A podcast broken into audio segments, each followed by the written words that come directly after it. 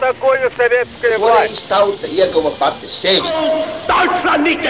Liktenīgas nejaušības un slēptas likumsakarības, subjektīvas patiesības un objektīvi aizspriedumi.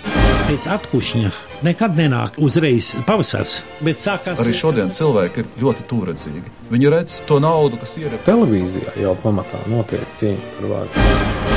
Pagātne no šodienas skatu punkta un šodienas caur pagātnes prizmu. Raidījumā šīs dienas acīm. Latvijas radio eterā Eduards Liniņš. Labdien, cienījamie klausītāji! Šodien mēs zināmā mērā noslēdzam tādu nelielu raidījumu ciklu, kas ir veltīts Latvijas senajai vēsturei, mūsu senču ciltīm. Mums ir atlikusi vēl viena saruna, un tā ir saruna par lībiešiem. Mani sarunas biedri studijā - valodniece Ilga Jansone un vēsturnieks Arnis Radiņš. Labdien! Labdien. Runājot par lībiešiem, vienīgā no ciltīm, kuras mēs piesaucam kā savus senčus, kas nav baltu cilts. Es pats ar tādu zināmu smaidu vienmēr atceros kaut kad 30. gadu beigās tapušu kādu izdevumu, neatceros gan nosaukumu, bet tas bija tāds latviešu nacionālās pašapziņas ļoti piesātināts darbs, un uh, tur kādā apcerējumā bija teikts, ka latviešu nācijas spēks izpaužas arī tādējādi, ka tā ir spējusi asimilēt lībiešu nāciju. Sevišķi, teiksim, ievērojot uh, vēstures tālākos notikumus, tā šķiet tāda skumja, komiska plātīšanās.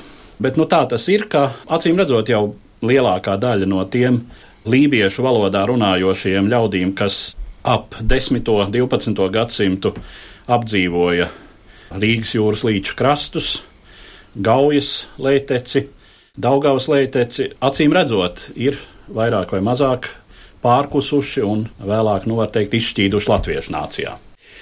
Ar kuru brīdi mēs šeit Latvijas teritorijā vispār runājam par lībiešiem kā atsevišķu cilšu grupu vai tautu? Nē, nu, grūti pateikt. Tas, protams, ir ārkārtīgi sarežģīts jautājums, uz kuru es domāju, ka šodien vēl mums tādas viennozīmīgi visiem pieņemamas atbildes nav. Mēs varam runāt par teiksim, ķemes bedrīšu kultūras nesējiem, kurus saist ar Baltijas somiem, kurā nu, mēs varētu saskatīt kaut kādas šīs te vissanākās eh, pēdas. Tas jau ir jau ļoti, ļoti sen atpakaļ. Mēs varam runāt par šiem lībiešiem, ko mēs sastopam rakstītos avotos, tas ir šis Daugaus leitets, ja, tātad Daugaus lībieši un Gaujas lībieši, un šeit no arheoloģijas viedokļa ātrāk par 11. gadsimtu nu, ir grūti kaut ko atrast. Domāju, ka tie lībieši arī nav tādā viennozīmīgā plāksnē, tie lībieši ir daudz plākšņai. Ļoti sen vai arī pavisam nesen. Jā, nu, ļoti sen tādā nozīmē, ka somugri šai zemē ir vēl senāki iemītnieki par baltiem. Arī ne gluži tā, nu, atkal tāds jā, diskutējums jautājums. Tad, tad ir šī klasiskā teorija par to, ka tad šī ķemes bedrīšu kultūras nesēja, tad, tad tie būtu Baltijas somu priekšteči, jā, un otrs ir, ka, teiksim, auglas kultūras nesēja, tie būtu tie balti priekšteči. Tas būtu tāds pavisam vienkārši. Tad viens ceturtais gadu tūkstotis pirms Kristus, otru otrais gadu tūkstotis pirms Kristus, bet tās lietas ir mazliet sarežģītākas, jo mēs tik viennozīmīgi šo kultūru, etnisko interpretāciju nevaram veikt. Ja? Un attiecībā uz Baltiem arī šobrīd ir uzskats, ka lielā mērā tas, ko mēs varētu saukt nu, šodienas izpratnē par Baltiem, ka viņi veidojušies šeit, lielā mērā balstoties uz šiem iepriekšējiem uzslāņojumiem un, un kā pārmantojot tās tradīcijas, jo te vienmēr ir jautājums par to, vai ceļo no arheoloģijas viedokļa šīs mantas, nu, kaut kādas kultūras izpausmes vai ceļošie cilvēki. Ja? Un lielā mērā, kas attiecas uz to pašu augstu keramikas kultūru, tad neapšaubām Latvijā nav ieplūdusi milzīga masa. Jā, ir ieplūduši šī ideja, ir ieplūduši šie cirvi, ir ieplūduši, nu, protams, arī cilvēki. Un, un lielā mērā šī baltu veidošanās šeit ir notikusi uz, uz jau iepriekšējo vietēju iedzīvotāju pamati. Ja mēs šodien skatāmies uz atšķirībām starp latviešiem un lietuviešiem, tad jā, mums ir viena valoda, bet šeit mentalitāte lielā mērā tas, ka mēs esam bijuši uz, uz Baltu un Baltijas somu robežas. Neapšaubām mūsos ir lībiešu, igauņu un Baltijas somu asins, un lietuviešiem viņas ir daudz mazāk. Un te varbūt arī ir viena atšķirība, kas spēlē kaut kādu, nu, mums vēl nezinām vai maz nojaušamu lomu. Jā, bet nu, it kā jau tur, kur uh, varētu būt šis Baltijas somu kādreiz apdzīvotais apgabals, es gribu jau tad lūgt valodnieku komentāru, nu kaut kādas pēdas.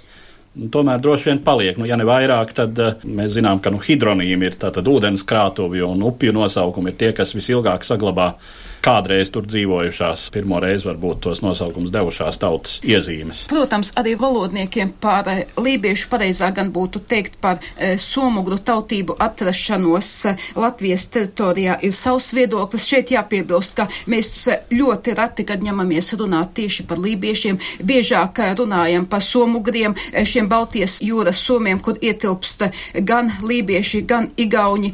Arī 15. gadsimtā Latvijā ieplūdusi krieviņu kara gūstekņu masa, jo praktiski pēc valodas liecībām nav iespējams nošķirt lībiešus no igauņu senčiem, arī no šiem pašiem krieviņu senčiem.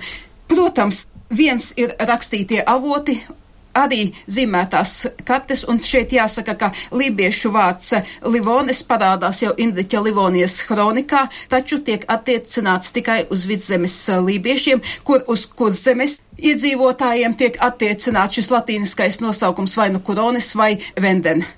Runājot par hidronīmiem, jā, praktiski tāpat kā pats lībiešu vārds Latvijas hidronīmos, Latvijas toponīmos, arī mūsu upju, upīšu nosaukumos. Samērā daudz ir sastopami Baltijas jūras somu valodu nosaukumi, kur atkal par cilmi mēs neņemamies īsti spriest, un arī par Daugavas sākotnējo nosaukumu, kas ir sastopams visvecākajās kartēs Veina, arī par tās nosaukumu šobrīd ir izteikti dažādi viedokļi.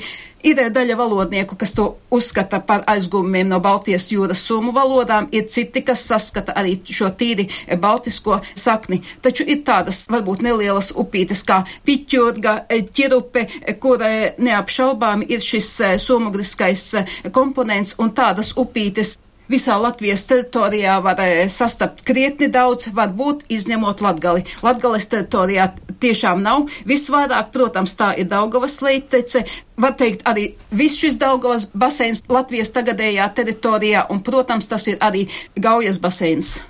Nu, tātad faktiski priekšstats par to, ka līdz desmitajam gadsimtam dažādos laikos varbūt, bet šie Baltijas somi ir apdzīvojuši visai noteikti tātad vidzemi, arī dzen Daugavas, faktiski abus krastus. Abus krastus. Jā, un kā ir ar kurzemi, kur tur ir apmēram tā robeža velkam? Diemžēl hidronīmu materiāls neļauj, un vispārējai vietvārdu materiāls neļauj novilkt striktu robežu kur būtu bijuši šie Baltijas jūras somu priekšteči, kur būtu bijuši kurši praktiski pa visu kurzemi diezgan vienmērīgi šis materiāls izplatās. Nepārāk varbūt lielos kaut kādos areālos, bet tā Šur tur parādās šis materiāls, un tieši tāpat ir ar paša arī etnonīma lībietis. Nosaukumu latviešu toponīmijā, vietvārdos, maivārdos, arī pļauju mežu nosaukumos un tā tālāk, ka arī praktiski parādās visā Latvijas teritorijā, izņemot Latgali, un parādās pat koncentrētā veidā, ne tajās vietās, kur mēs uzskatām, ka noteikti bijuši šie lībiešu priekšteči, kas arī ir saprotams, jo e, šajā etnonīma vārdā, šajā tautas vārdā jau parasti nosauca varbūt kaut ko nedaudz svešāku. Tātad, ja šeit bija e, tieši šie lībiešu priekšteči, tad viņu apdzīvotība šajā teritorijā šo vārdu lībietis izmantoja mazāk. Un to varbūt daļēji rāda arī šīs kartes, ja mēs saliekam visus nosaukumus ar etnonīmu pseidonīmu lībietis, lībis un dažādiem citiem variantiem uz kartes, tad tieši veidojas pārāvums gāra kurzemes piekrasti, un otrs tāds pārāvums varbūt arī ir vidzemē, īpaši, es teiktu, Gaujas baseinā. Protams, nekad mēs nevaram balstīties tikai uz šo vietvārdu materiālu, ir jāņem tālāk arī citi materiāli. Diemžēl mūsu latviešu valodas rakstītā vēsture ir samērā nesena, un tāpēc valodas materiālus ir grūti izmantot, un praktiski vietvārdu materiāls ir Vienīgais gandrīz, ko mēs varam izmantot, un šeit var piebilst, ka pirmie vietvārdu reģistrējumi arī ar šo lībieša sakni parādās sākot jau no 13. gadsimta. Nu, no arheoloģijas viedokļa te varbūt ir nedaudz skaidrāk, bet atkal man jārunā par to daudzplākšņainību. Tātad eh, mēs zinām, ka šodienas Latvijas ziemeļi, tātad uz ziemeļiem no Daugavas un uh, Kurzemes ziemeļi ir šī akmens krājuma kapu kultūra, kur mēs tradicionāli saistām ar Baltijas somiem, arī, nu, teiksim, tad arī ar Igauniem. Ir zināmas nianses tur starp vidzemes un, un kurzemes pieminekļiem, bet principā tas ir viens masīvs. Tātad viņi apgūst šīs te teritorijas, bet viņiem ir apakšā atkal ir kaut kādas kultūras, jā, kas varētu būt arī nu, protobaltisks vai kādas, tad notiek šī te kustība. Ja mēs skatāmies uz kurzemes teritoriju, tad šobrīd līdz tam brīdim, kamēr kurši nepārēja skandināvu koloniju pie grobiņas, kurzemes ziemeļos eksistē, ja mēs gribam lietot šo vārdu vendi, pieņemsim, būtu vienkāršāk, tad eksistē tie cilvēki, kurus mēs saucam par vendi, kurus mēs varētu piesaistīt Baltijas somiem, bet es nedomāju, ka nu, viņi būtu lībieši kā tādi. Līdz ar to pēc šīs Skandināvijas kolonijas pāraušanas, kurš ļoti ātri virzās uz priekšu, 10. gadsimtā sasniedzot jau talsi. Tātad šeit notiek pārmaiņas, cik viņas ir kultūras pārmaiņas, cik viņas ir cilvēku pārmaiņas. Noteikti acīm redzot, daļa tiek asimilēta. Nu, vēl tāds termins kā kolonizētie lībieši ievies savā laikā. Edvards Šturms, arheologs, to ieved 1930. gados. Un šeit notiek zināmas izmaiņas, un pēc kronikas Indriča mēs zinām, protams, tātad Vendi dzīvoja pie Ventas upes, teiksim, tātad kurš spiediena rezultātā viņi atnāca pie Rīgas, no Rīgas viņas tālāk aizdzina uz Cēsīm. Ja? Tātad tas būtu viens stāsts. Otrs stāsts ir tas, ka vidzemes ziemeļdaļā tur zināmu laiku, tātad visu laiku dzīvo cilvēki, kas ir tieši saistīti ar gauniem, kuri zem dažādi spiedieni, tas ir latgaļu spiedieni, sēļi, un tas, teiksim, tātad lēnām kaut kur ir tā robeža, kā viņi, teiksim, iedarbojās, apmēram nostiprinās. Tas būtu vēl viens komponents, teiksim, mēs runājam par šiem Baltijas somiem. Un trešais komponents, kas ir visinteresantākais, un Un te ir daudz un dažādas teorijas, kā tas ir. Tātad 10. gadsimta beigas, 11. gadsimta sākums, Daugavas leitecē.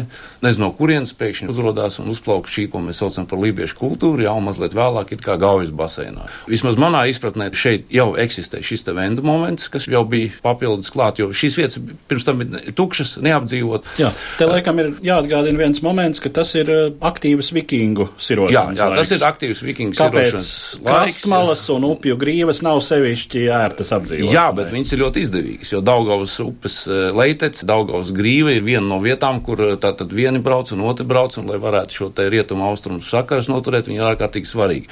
Un manā izpratnē, teiksim, es esmu arī par to rakstījis, ka šeit ierodās kāda vikingu tālbraucēja grupa, kas ir saistīta ar kaut kādu somu akcentu jau tikai sīki paralēli gan šiem te Daugavas un Gaujas lībiešiem, gan Somiem, kas dzīvo pie Ladogas. Viņiem ir savas attīstīta savu bruņurupuču eh, saku taisīšanas tradīcija. Ja? Teiksim, tās nav skandināva, bet viņi attīstīja savu iekšēju attīstību. Teiksim, tad, bet tagad šeit ierodās kāda grupa, kur jau atrod šeit radniecīgu sistēmu un uh, bāzējoties uz šo varētu attīstīties šī kultūra, kur ļoti strauji, pēc cik vieta ir bagāta, jo dod arī labumu, ja tu šo vietu kontrolē, tev katrs spiest maksāt un tu vari attīstīties, ja? un nākošais ir šis Gaujas ceļš. Un te ir ārkārtīgi ārkārtīgi svarīgi tas, ka šīs lībiešu gaujas un daugos lībiešu kultūras attīstās tieši visizdevīgākās vietās. Ja pēc tam mēs atceramies krustakārs, tad atkal kas notiek? Nu, ir vajadzīgs daugos ceļš, ir vajadzīgs gaujas ceļš sakariem uz Krieviju. Un te mēs vēl varam atcerēties vienu tādu interesantu lietu, kad Politskas viens no pamatlīdzējiem Politskas eh, šim valstiskumam, jā, ir uh, vikingu valdnieks Rogolots, kas ir nācis no aizjūras un iespējams, ka pa Daugavas ceļu un ka varbūt, ka šie cilvēki, kas šeit apmainās pirmā, ir šie otras tās Krievijas valdnieku dinastijas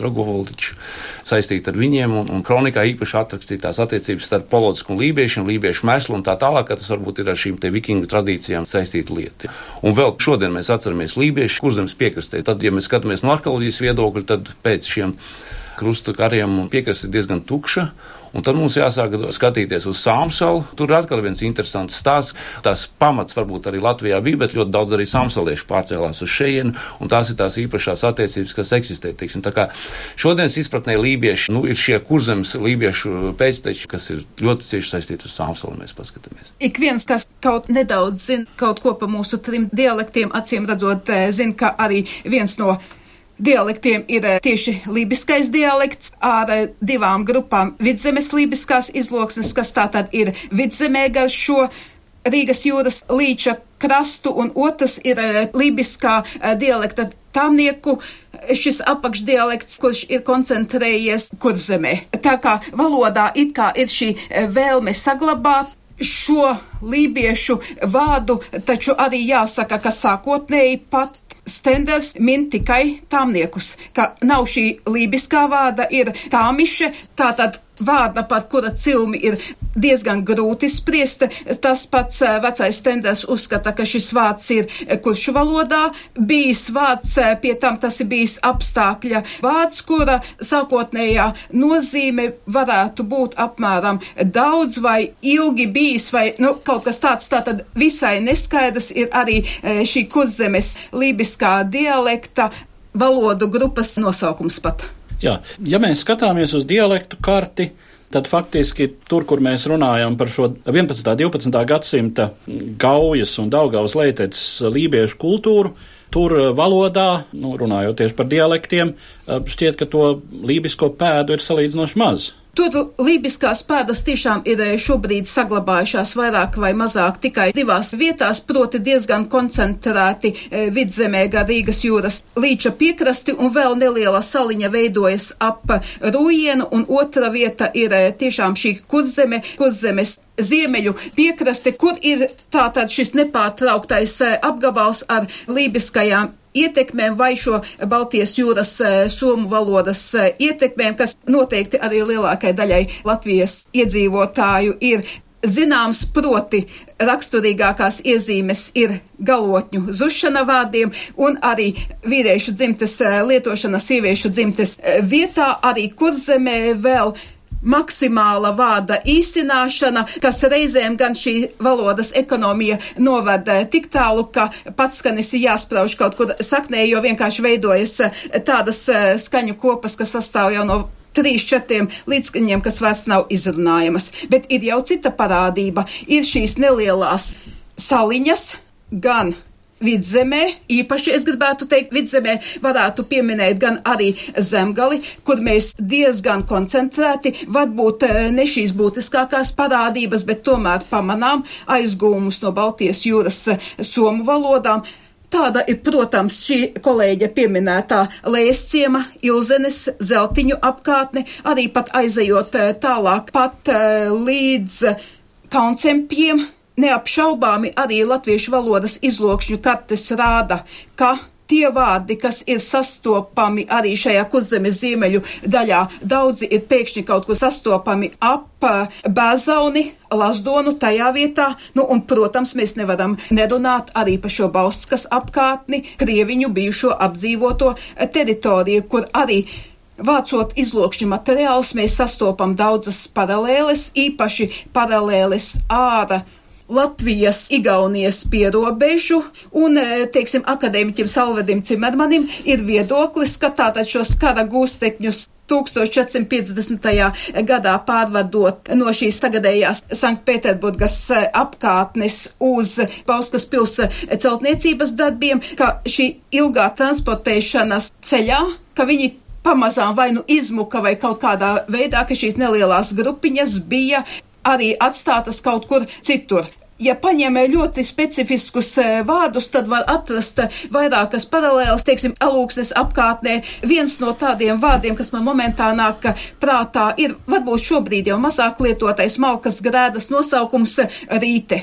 Ap alūksni, ap ziemeļiem šis vārds ir sastopams, un mums izlokšu materiālu kartotēkā šis vārds ir pēkšņi pierakstīts arī no vecaules. Un tādus piemērus, protams, varētu minēt eh, krietni daudzus. Noslēdzot sarunu par lībiešiem pirms krustneša iebrukuma, uzprasās jau tāda doma, ka šie lībieši Daugaus gaujas leitecē Iespējams, ka etniski mēs tur nerunājam par gluži tādu tīru un skaidru somugrisku materiālu, nu, kas varētu izskaidrot to, kāpēc valodā salīdzinoši maz ir, ir pazīme, ka tas ir bijis kaut kāds diezgan pamatīgi jau tajā brīdī jaukts, nu, kur ir kaut kādi baltiskie elementi, kaut kādi somugriskie, un tad, kā zivēl, tiešām kaut kādi skandināviskie klāt. Nē, nu, zinām, taisnība tur, protams, ir, ja mēs paskatāmies tai pašā aizkrauklē, ja, tā tad aizkraukle ir no arheoloģijas viedokļa ir latgaļu un lībiešu, tā kā šo divu kultūru krustpunkts, kur uh, ir uh, abedīti kapalau abu šo te etnisko grupu pārstāvi, jo pēc tiem priekšmetiem, rotām un tā tālāk mēs varam pateikt, vai viņi ir tādi vai tādi. Lielvārdē ir, kas it kā arī būtu tāda jau diezgan lībiska vieta, bet tur ir, teiksim, zemgaļu mantas iekšā, jā, tāpat daugmāli, jā. Principā ir internacionāla lieta. Katrā ziņā tātad šie cilvēki, kurus mēs, nu, apvienojam ar nosaukumu lībieši, bija diezgan dominējoši un bija pietiekami spēcīgi šeit, un, un nevelti viņi arī, nu, bija šis te krustnešs viens no uzbrukuma objektiem un, un deva šo Livonijas vārdu, bet tie paši krustneši viņi diezgan labi atšķira. Viņi tomēr par vendiem runā tur cēsīs, jā, un par šiem lībiešiem šeit, teiksim, jā, un attiecībā uz kurzem viņi tomēr runā par kuršiem vai vendiem, bet nav šī lībiešu vārda attiecībā uz turieni. Vēlreiz precizējot par jau piesauktajiem vendiem. Ja mēs pieņemam, ka ar šo vārdu pamatā figurē tātad sākotnēji kurzemē dzīvojušie Latvijas somi.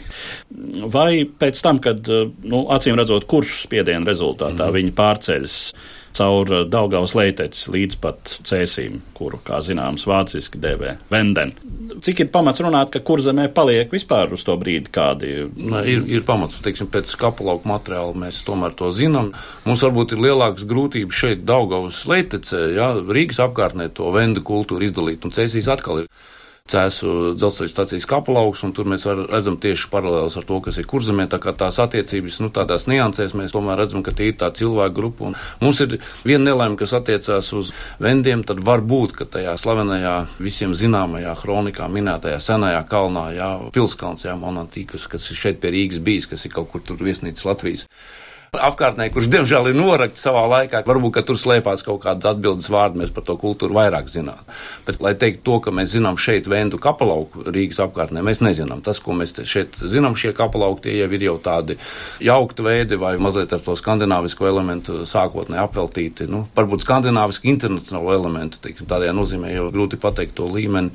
Daudzas mantas ir vienādas, jā, visi gribēja braukt ar Mercedes, un tur tas zobens ir apmēram visiem tiem, kas ar to nodarbojās, tas bija tas labākais, ko varēja dabūt. Bet Venta jautājumā ir vēl viens aspekts, un tas ir aspekts, kad vairāk kārt un pēdējo reizi ļoti nopietni, tagad jau nelaiķis Krievu arheologs akadēmiķis Sedovs, kas ļoti daudz darījis baltu pētniecībā, tātad atgriezās pie idejas par to, ka Venta ir slāvi, kas ir dzīvojuši šeit, un te ir šīs idejas, nu mums nav pamata tā domāt, pēc tās materiālās kultūras viņi somi, jā, un viņiem nav nekādas saistības ar tiem cilvēkiem, kas ir pazīstami kā austrumslāvendi, kas ir dzīvojuši tur aiz Prūsijas, jā, un, un tajā piekrastē. Nav pamata par to tādā veidā runāt pēc materiālās kultūras tam nav nekādu pierādījumu. Ja. Nu jā, nu, šī hipotēze, protams, laika pa laikam uzpeld gan vairāk tādā publicistiskā līmenī, bieži vien ar to motīvu, ka ir jāpierāda, cik sens ir slāvu elements šeit. Jā, arī, Latvijā. arī, kar, arī karoga aspektā. To slāvisko vendu krāsas, kas ir. Šādā nozīmē savukārt tie, kuri šeit ir ienākuši pēdējo 50 gadu laikā, ļoti mazā mērā vai praktiski nav rada vendiem. Tad jau, ja jaunu slāvi, nu šajā ziņā mums ir iemesls runāt par radniecību ar brālīgo poļu tautu, Neapšaubām. kurā tad visdrīzāk ir pārkusuši, pārgājuši tie Baltijas jūras dienvidu piekrastes slāvi, kas viduslaiku gadsimtos ir dzīvojuši. Pāris vārdos, nu kā tad notiek jau piesauktais lībiešu asimilācijas process, ar kuru gadsimtu mēs vidzemē vairs nerunājam par lībiešu elementu. Es neesmu valodnieks, varbūt vienu momentu, lai saprastu, ka, teiksim, Rīga un Rīgas apkārtne ir tāda gaļas mašīna. Ja?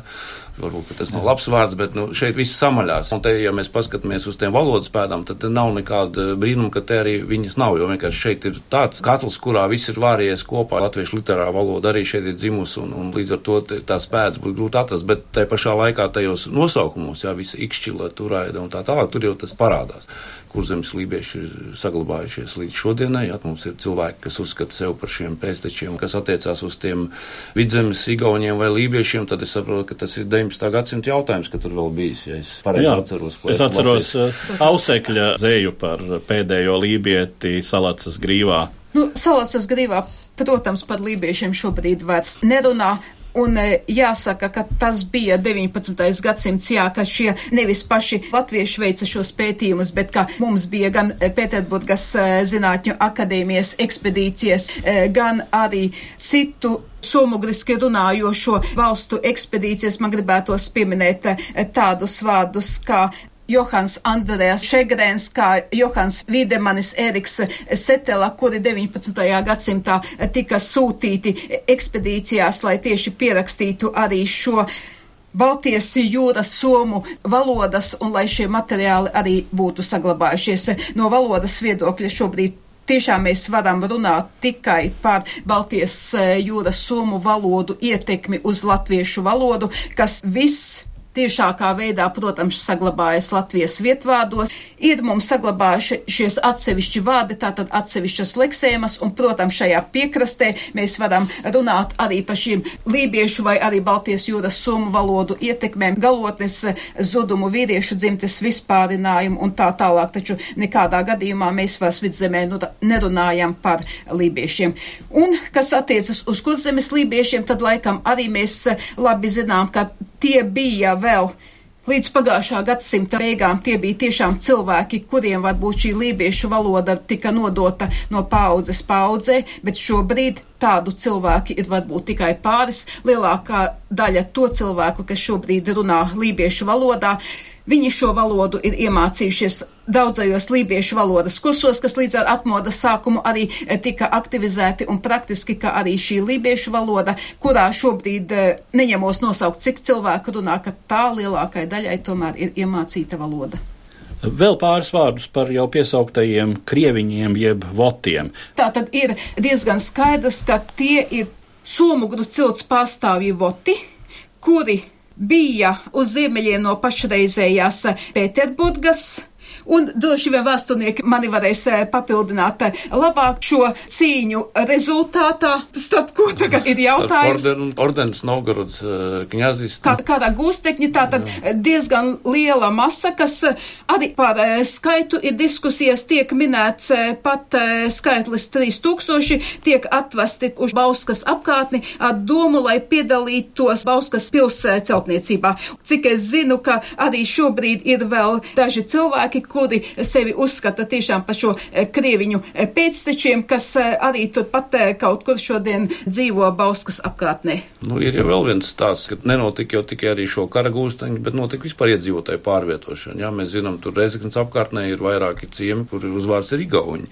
un kam ir pamats, jo arī mēs zinām, Ludas pils un trūka darba spēka pieveda tajā brīdī, jā, un tas ir palicis. Tā kā ir dažādi šie veidi, kā nonākt. Lietuvā ir, piemēram, tas piemērs, kad Lietuvas diskunaitis viessargs veido no karījumiem, jā, un tā tad arī ir saglabājušies. Ja, tā kā daudzā veidā kaut kādas nelielas grupas pārvešana, un viņi tajā vidē, nu, saglabā šīs lietas. Diemžēl mums šie cilvēki ir, nu, asimilējušies tomēr, jā, ir izplūduši tajā latviešu vidē, bet tas, ka šīs saknes tur ir un, un ir cilvēki, kas sev saista un uzskata ar viņiem, jā, tā ir. Un šī miedarbība starp Baltiem un Somugriem tiešām arī pavisam nesenā pagātnē tā ir bijusi, nerunājot par atsevišķu ģimeņu migrāciju nerunājot varbūt arī pat eh, par atsevišķu ciemu iedzīvotāju pārvietošanos, tā kā tā noteikti ir notikusi, tā atstāja savas eh, pēdas, bieži vien tā atstāja savas pēdas arī runājot par jaunāko periodu, es domāju, kopš 19. Eh, gadsimta 30. gadiem, kad mums sākās zemniekiem arī šī uzvārdu došanas tradīcija, noteikti atstāja šīs pēdas arī uzvārdos, jo arī uzvārdus leitis, kas eh, tobrīd bija eh, lietuviešu parastākais apzīmējums, šādus uzvārdus mēs sastopam ne tikai Lietuvas pierobežā, bet arī Igaunijas pierobežā, arī skaidri lietuviskus uzvārdus kā paukštis, kas lietuviski putnas mēs arī sastopam, pie tam jau pašā ap 1830. gadu, atkal pašā Igaunijas pierobežā. Tā kā noteikti šī tautu staigāšana vismaz eh, arī tuvākajā apkārtnē tā ir eh, bijusi. Plus, protams, var eh, minēt arī tajā laikā, kamēr bija Lietuvas lielkņaziste, šīs Lietuvas lielkņazistes un Zviedrijas kopējos uzraudzības pasākumus, kopējos militārās ekspedīcijas, un noteikti arī no tām bija cilvēki, kas palika, kuriem bija sava noteikta ietekme arī pēc tam gan acīm redzot eh, gan uz etnosu, gan eh, neapšaubāmi arī uz valodu. Un šeit varbūt absolūti gribētos arī nevalodniecisku faktu pieminēt, proti, lai arī gēnu pētījumi mums šobrīd Latvijā neko tālu mēs neesam tikuši, tomēr gēnu pētnieki šobrīd atzīst, ka pēc eh, gēnu sastāva latvieši un lietuvieši ir tālāki viens no otra nekā, nekā latvieši un igauņi. Jā, tur es arī varu pilnīgi piekrist. Ja mēs tā paskatāmies, nu, it kā pavisam nesen pagātni, pirmie pirmie latgaļu kapelauki, alūksne, lūdzu, 8. gadsimts, ne ātrāk. Ja. mēs esam aizgājuši tik tālu, un šī miedarbība, teiksim, nu, labi, Pleskavas virzienā tur līdz 11. gadsimtam kaut kur latgaļa aizskrien, tad atnāk atpakaļ. Tā visu laiku ir tāda miedarbība, ja, un vēl vienmēr jāatcerās tas, ka kultūra un cilvēki nevienmēr tas, ka mēs atrodam tur 8. Eh, gadsimta latgaļu kakleriņķi, tur tas nozīmē, ka šis cilvēks ir bijis latgalis, bet varbūt, ka viņš vienkārši ir izvēlējies šo materiālo kultūru un, un pārņēmis, kad es ņemu Latvijas ziemeļu robežu, Latvijas Igaunijas robežu robežu, viņi visu laiku ir tādā kustībā, kurā mēs tā kā baltu masu spiež uz augšu. Nu, gadsimta jautājums. Ar tādu secinājumu, ka tiešām uh, lībiešu un Baltijas somu un baltu latviešu vēlāk attiecības. Tiešām viena pastāvīga un ļoti sarežģīta un sazarota miedarbība gadsimta gaitā bijusi. Es arī noslēdzu mūsu šodienas sarunu, kas bija veltīta lībiešiem, un saku paldies maniem sarunas biedriem, valodniecei Ilgai Jansonai un vēsturniekam Arnim Radiņam. Paldies! Paldies! Par pagātni sarunājas Eduards Līniju.